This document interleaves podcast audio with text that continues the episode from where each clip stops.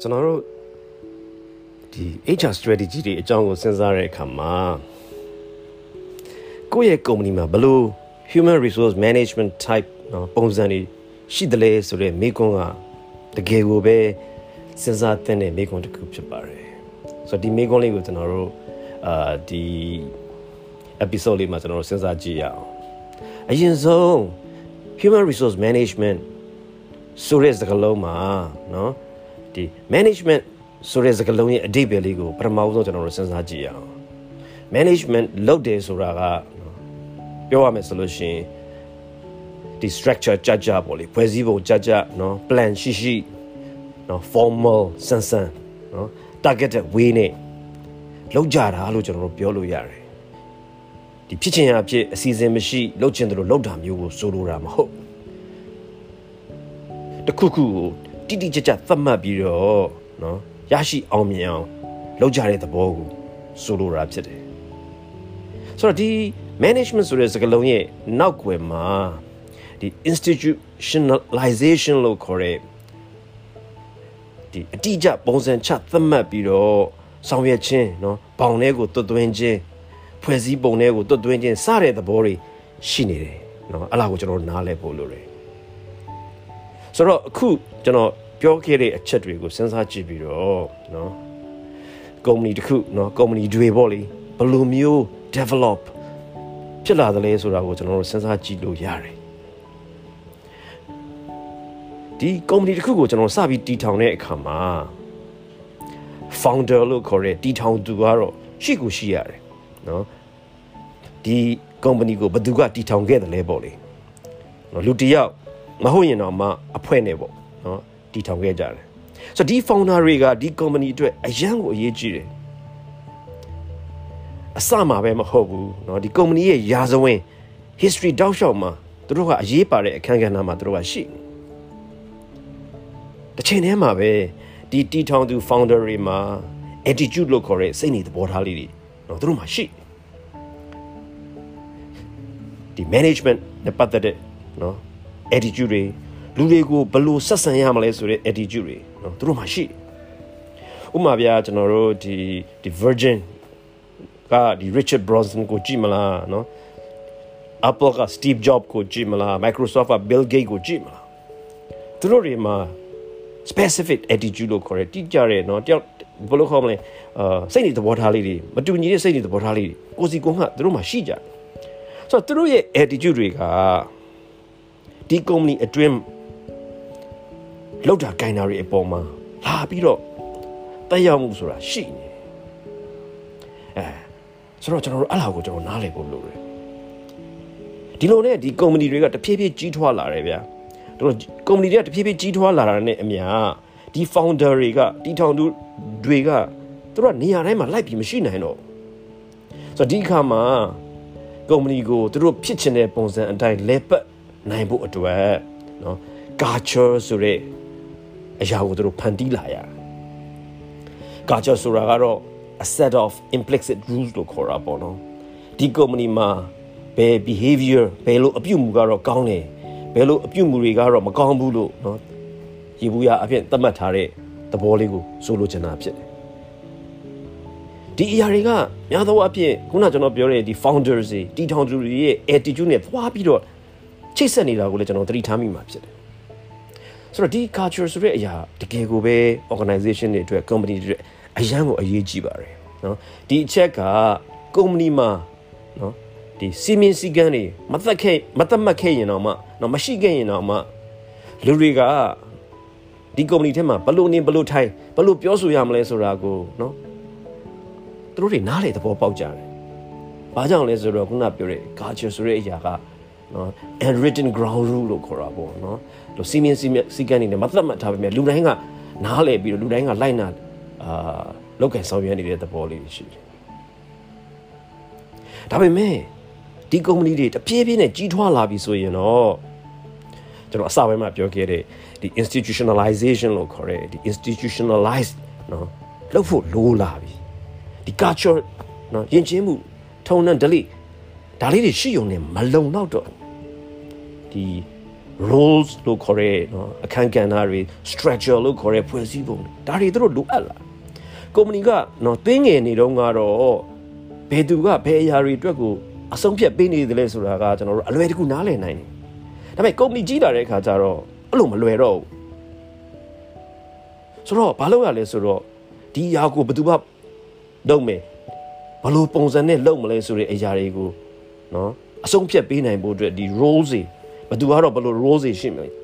အာဘယ်လိုပုံစံနဲ့လုပ်မှာလဲဆိုတဲ့ structure တွေဒါတွေကိုသတ်မှတ်ပေးဖို့ကျွန်တော်တို့လိုအပ်လာတယ်ဥပမာဆိုလို့ရှိရင်ဗျာဒီပစ္စည်းတွေဝယ်မယ်ဒီပစ္စည်းဝယ်တာကိုဘယ်သူလုပ်မှာလဲ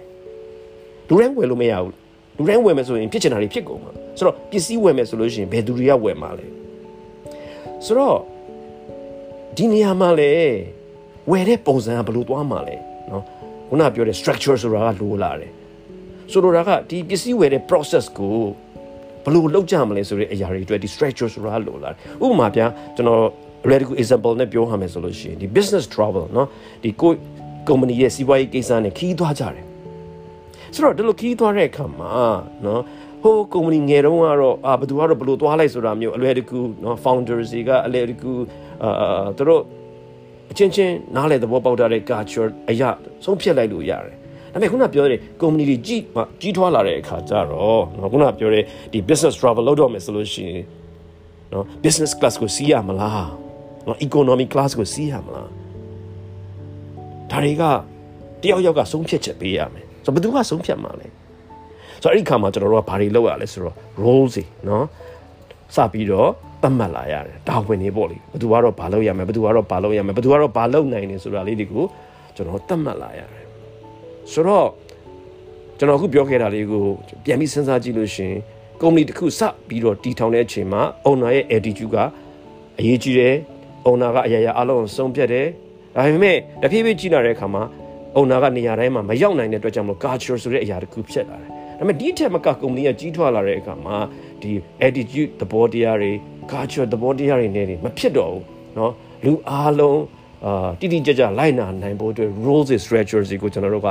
ချမှတ်လာရတယ်။ဒါမဲ့အခုလိုမျိုးပေါ့ဗျာအပြိုင်ဆိုင်များတဲ့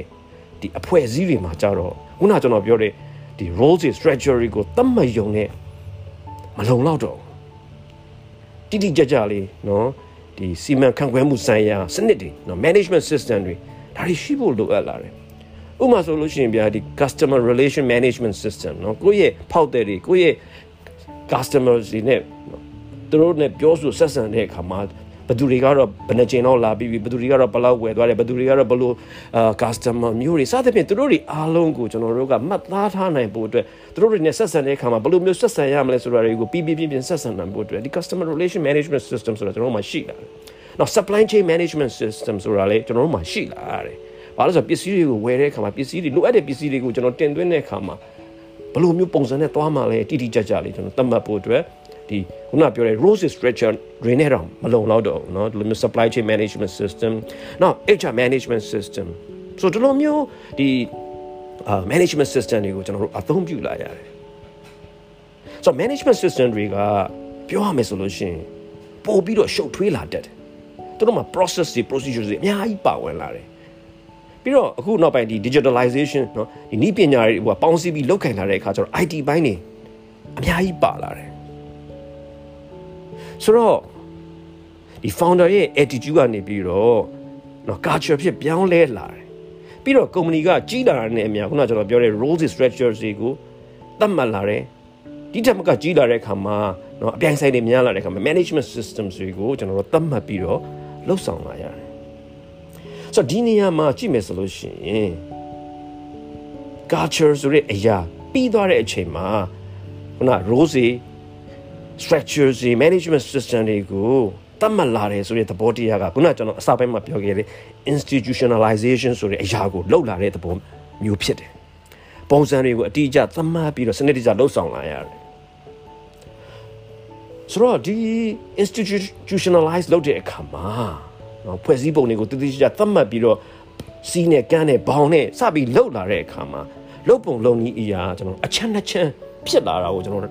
တွေ့ရတယ်အဲ့ဒါကိုနားလည်နိုင်ဖို့လိုတယ်ဆိုတော့ဒါကိုနားလည်နိုင်ဖို့အတွက်ကျွန်တော်ခုနပြောခဲ့တဲ့ဒီ business ကိစ္စနဲ့ခရီးသွားတဲ့ကိစ္စကိုကျွန်တော်ပြန်စဉ်းစားကြည့်အောင်တချို့ကုမ္ပဏီတွေကနော်ဒီ business class နဲ့တွားရမလား economic class နဲ့တွားရမလားဆိုတာတွေကို အဲ့ခီးတော့မဲ့ဝန်ထမ်းကပဲဆုံးဖြတ်ရတယ်နော်တော့သူသူဒီ business case အတွက်ခီးသွားရမယ်ဆိုရင် business class ကသူစီးမလား economic class ကစီးမလားဒီဝန်ထမ်းကပဲဆုံးဖြတ်ရတယ်ကုမ္ပဏီရဲ့အကျိုးစီးပွားအတွက်နော်လိုအပ်ချက်ပေါ်မှာမူတည်ပြီးတော့ဝန်ထမ်းကနေစဉ်းစားပြီးတော့ဆုံးဖြတ်သွားရတယ်ဆိုလိုတာကစဉ်းစားဆုံးဖြတ်ပိုင်ခွင့်ကဒီဝန်ထမ်းရဲ့လက်ထဲမှာရှိဆိုတော့ဒီလိုကုမ္ပဏီတွေက ဒီ agility and network ဆိုတဲ့နော်အချမ်းဘက်ကနေပြီးတော့တဖြည်းဖြည်းနဲ့ develop ဖြစ်လာတဲ့ကုမ္ပဏီတွေလို့ပြောလို့ရတယ်တချို့ကုမ္ပဏီတွေကြောင့်အဲ့လိုမဟုတ်ခုနပြောတဲ့ဒီ business ကိစ္စနဲ့ခီးသွားတော့မယ်ဆိုလို့ရှိရင်ခုနပြောတဲ့ business class နေဝယ်ရမလား economy classes နေဝယ်ရမလားဆိုတာတွေကိုဝန်ထမ်းမှာဆုံးဖြတ်ပိုင်ခွင့်မရှိဘူးသူ့ရဲ့အထက်အရာရှိကသူ့ရဲ့ supervisor ကဆုံးဖြတ်ပြီးတော့ နော်ခွင့်ပြုချက်ပေးရတယ် approve ပေးရတယ်ဆိုတော့ကျွန်တော်အဲ့ဒီ organization မှာအရာရာအားလုံးဒီ hierarchy သဘောပေါ်လေနော်အထက်အရာရှိကနေပြီးအောက်လက်ငယ်သားတွေအတွက်ဆုံးဖြတ်ပေးရတယ်ဆိုတော့ဒီလို company မျိုးတွေကြတော့ဘယ်လိုမျိုးခေါ်လဲဆိုတော့ hierarchy and stability ဆိုတဲ့အချမ်းဘက်ကနေတိုးတက်ဖွံ့ဖြိုးလာတာကိုတွေ့ရတယ်ဆိုတော့ခုနကျွန်တော်ပြောတဲ့ institutionalization စဖြစ်လာတဲ့အချိန်မှာနော်ခုနပြောတဲ့ဒီ agility and network ဆိုတဲ့နော်ဒီ responsibility ကိုဝန်ထမ်းကို share ပေးတယ်နော် network တွေကို decentralize စလုပ်လာတယ်ဆိုတဲ့အချမ်းကသွားတာမျိုးလည်းရှိတယ်နောက်တစ်မျိုးကကြတော့ဒီ responsibility အားလုံးကို top management ရဲ့လက်ထဲမှာပဲထားထားတယ်ဒီ hierarchy and stability ဆိုတဲ့အချမ်းလည်းရှိတယ်ဆိုတော့တို့နှစ်ချမ်းစပြီးဖြစ်လာဆိုတော့အခုကျွန်တော်ပြောခဲ့တာတွေကိုစင်ကြင်သုံးသပ်ပြီးတော့ကျွန်တော်ဘာကိုစပြီးတော့မျက်စိထဲမှာမြင်လို့ရလဲဆိုတော့ three gun တစ်ခုเนาะအဲ့ဒါကိုကျွန်တော်ဘာလို့ခေါ်လဲဆိုတော့ HR triangle နော် အဲ့ HR triangle လေးတစ်ခုကိုကျွန်တော်စပြီးတိဆောက်လို့ရတယ်ဆိုတော့ဒီ triangle ပေါ်မှာမူတည်ပြီးတော့ဒီ triangle လေးပေါ်မှာမူတည်ပြီးတော့ခုနကျွန်တော်ပြောချင်နေတဲ့ strategic types နော်မဟာဗျူဟာပုံစံနော် HR management system မှာရှိတဲ့မဟာဗျူဟာ strategic နော်ပုံစံ၃မျိုးခွဲခြားလို့ရလာတယ်ကျွန်တော်တို့ဒီ institutionalize လုပ်တဲ့အချိန်မှာခုနပြောတဲ့အချမ်းအချမ်းကွဲသွားရလို့ပြောတယ်ဒါပေမဲ့ခုနဒီ owner ရဲ့ attitude owner ရဲ့အာ culture ပေါ်မှာပဲကြံနေတဲ့အပိုင်းတစ်ပိုင်းရှိတယ်အဲ့ဒီအပိုင်း institutionalize ဆိုတိတ်မလုပ်ဘူးအဲ့ဒီအပိုင်းမှာရှိနေတဲ့ strategic type ကိုကြတော့ကျွန်တော်တို့ဘာလို့ခေါ်လဲဆိုတော့ hire and pay လို့ခေါ်တယ်ဒီပုံစံကဒီ type က founder ရဲ့တီထောင်သူရဲ့ influence အရန်ကိုများတဲ့ပုံစံလို့ပြောလို့ရတယ် သူ့မှာဒီ roles တွေ structures တွေ management system တွေသတ်မှတ်ထားတာနည်းတယ်ပြောရမယ်ဆိုလို့ရှိရင် institutionalize လုပ်တဲ့ဘိုင်းကတိတ်မရှိတော့လောက်ပဲဆိုတော့သူ့အနေနဲ့ဝန်ထမ်းတွေကို hire လုပ်မယ်လာစာပေးမယ် hire and pay နော်ဝန်ထမ်းကသူလုပ်ရမယ့်အလုပ်ကိုသူကသူလုပ်ရမယ်နားလေသဘောပေါက်အောင်မယ်ဆိုတဲ့သဘောပဲဒီချက်ပို့ပြီးတော့ဘာမှမလုပ်ဘူးပြောမယ်ဆိုလို့ရှိရင် no institutionalization နော် HR မှာရှိတယ်ခုနပြောတဲ့ performance appraisals တွေ employer branding တွေနော် structure ကြကြနော် training and development စတာတွေဘာမှမရှိဘူးဥပမာဆိုလို့ရှိရင်ဒီဝန်ထမ်းကိုငါတို့ training တွေပေးရမယ်ဘာလို့ပေးရမှာလဲနော်အာဒီဝန်ထမ်းရဲ့ performance အာကောင်းဖို့လိုတယ်ဟာပြဿနာမရှိဘူးဒီ performance မကောင်းဘူးလားမကောင်းလို့ရှိရင်သူ့ကိုထုတ်လိုက်နောက်တစ်ယောက်ပြန်ခန့်မယ်ဆိုတဲ့ပုံစံမျိုး ဆိုတော့ဒီ organization မှာဒီ hire and pay ဆိုတဲ့ဒီ strategic type နဲ့တွားနေတဲ့ human resource management ပုံစံမျိုးမှာခုနပြောတဲ့ HR professionals တွေလည်းသူတို့တိတ်ပြီးတော့ထားလိမ့်မရှိဘူးနော်ခုနပြောတဲ့ဒီတထေးတွေ owner တွေတီထောင်သူတွေနဲ့သူတို့ရဲ့လူယုံတွေနဲ့ပဲတွားတဲ့အဖွဲ့အစည်းမျိုးပေါ့လေဒါက hire and pay ဆိုတဲ့ organization မျိုးနောက်တစ်ခုကကြတော့ဗာလဲဆိုတော့ကျွန်တော်တို့ ဒီ central planning and control လို့ခေါ်တဲ့ strategy type ပုံစံမျိုး human resource management ပုံစံမျိုးဆိုဒီနေရာမှာကြတော့ဘယ်လိုမျိုးလဲဆိုတော့ကျွန်တော်တို့အရာရာအားလုံးက HR ကပဲเนาะ human resource department ကပဲအများကြီးတာဝန်ယူတဲ့သဘောလေးတွေရှိတယ် HR နဲ့ပတ်သက်တဲ့ဆုံးဖြတ်ချက်အရာအားလုံးကို HR ကပဲတာဝန်ယူဆုံးဖြတ်တယ်။မလူခန့်ကျင်တယ် HR ကိုသွားပြောအာ HR နေပြီးအစဆုံးတာဝန်ယူပြီးခန့်ပေးတယ်။ အဝန်ထမ်းကို develop လုပ်ချင်တယ် HR ကိုပြော HR ကနေပြီးတာဝန်ယူပြီးတော့ဘာတွေဘာတွေလုပ်ရမလဲဆိုအကုန်စီစဉ်ပေးတယ်။ပြောရမယ်ဆိုလို့ရှိရင် HR နဲ့ပတ်သက်တဲ့အရာမှန်သမျှကို HR ကပဲတာဝန်ယူတယ်အရာရာအားလုံး central planning and control အဲ့လိုမျိုးရှိတဲ့နော် strategic type of HRM တွေလည်းရှိတယ်ဒါကဒုတိယအာ strategic type ပေါ့လေနောက်တစ်ခုကကျတော့ဗာလဲဆိုတော့ people centered enablement လို့ခေါ်တယ်ဆိုတော့ဒီပုံစံမှာကတော့ HR နဲ့ပတ်သက်တဲ့ HR နဲ့ဆိုင်တဲ့ကိစ္စတွေကို သက်ဆိုင်ရာဝန်ထမ်းကပဲကိုတာဝန်ကိုယူရတယ်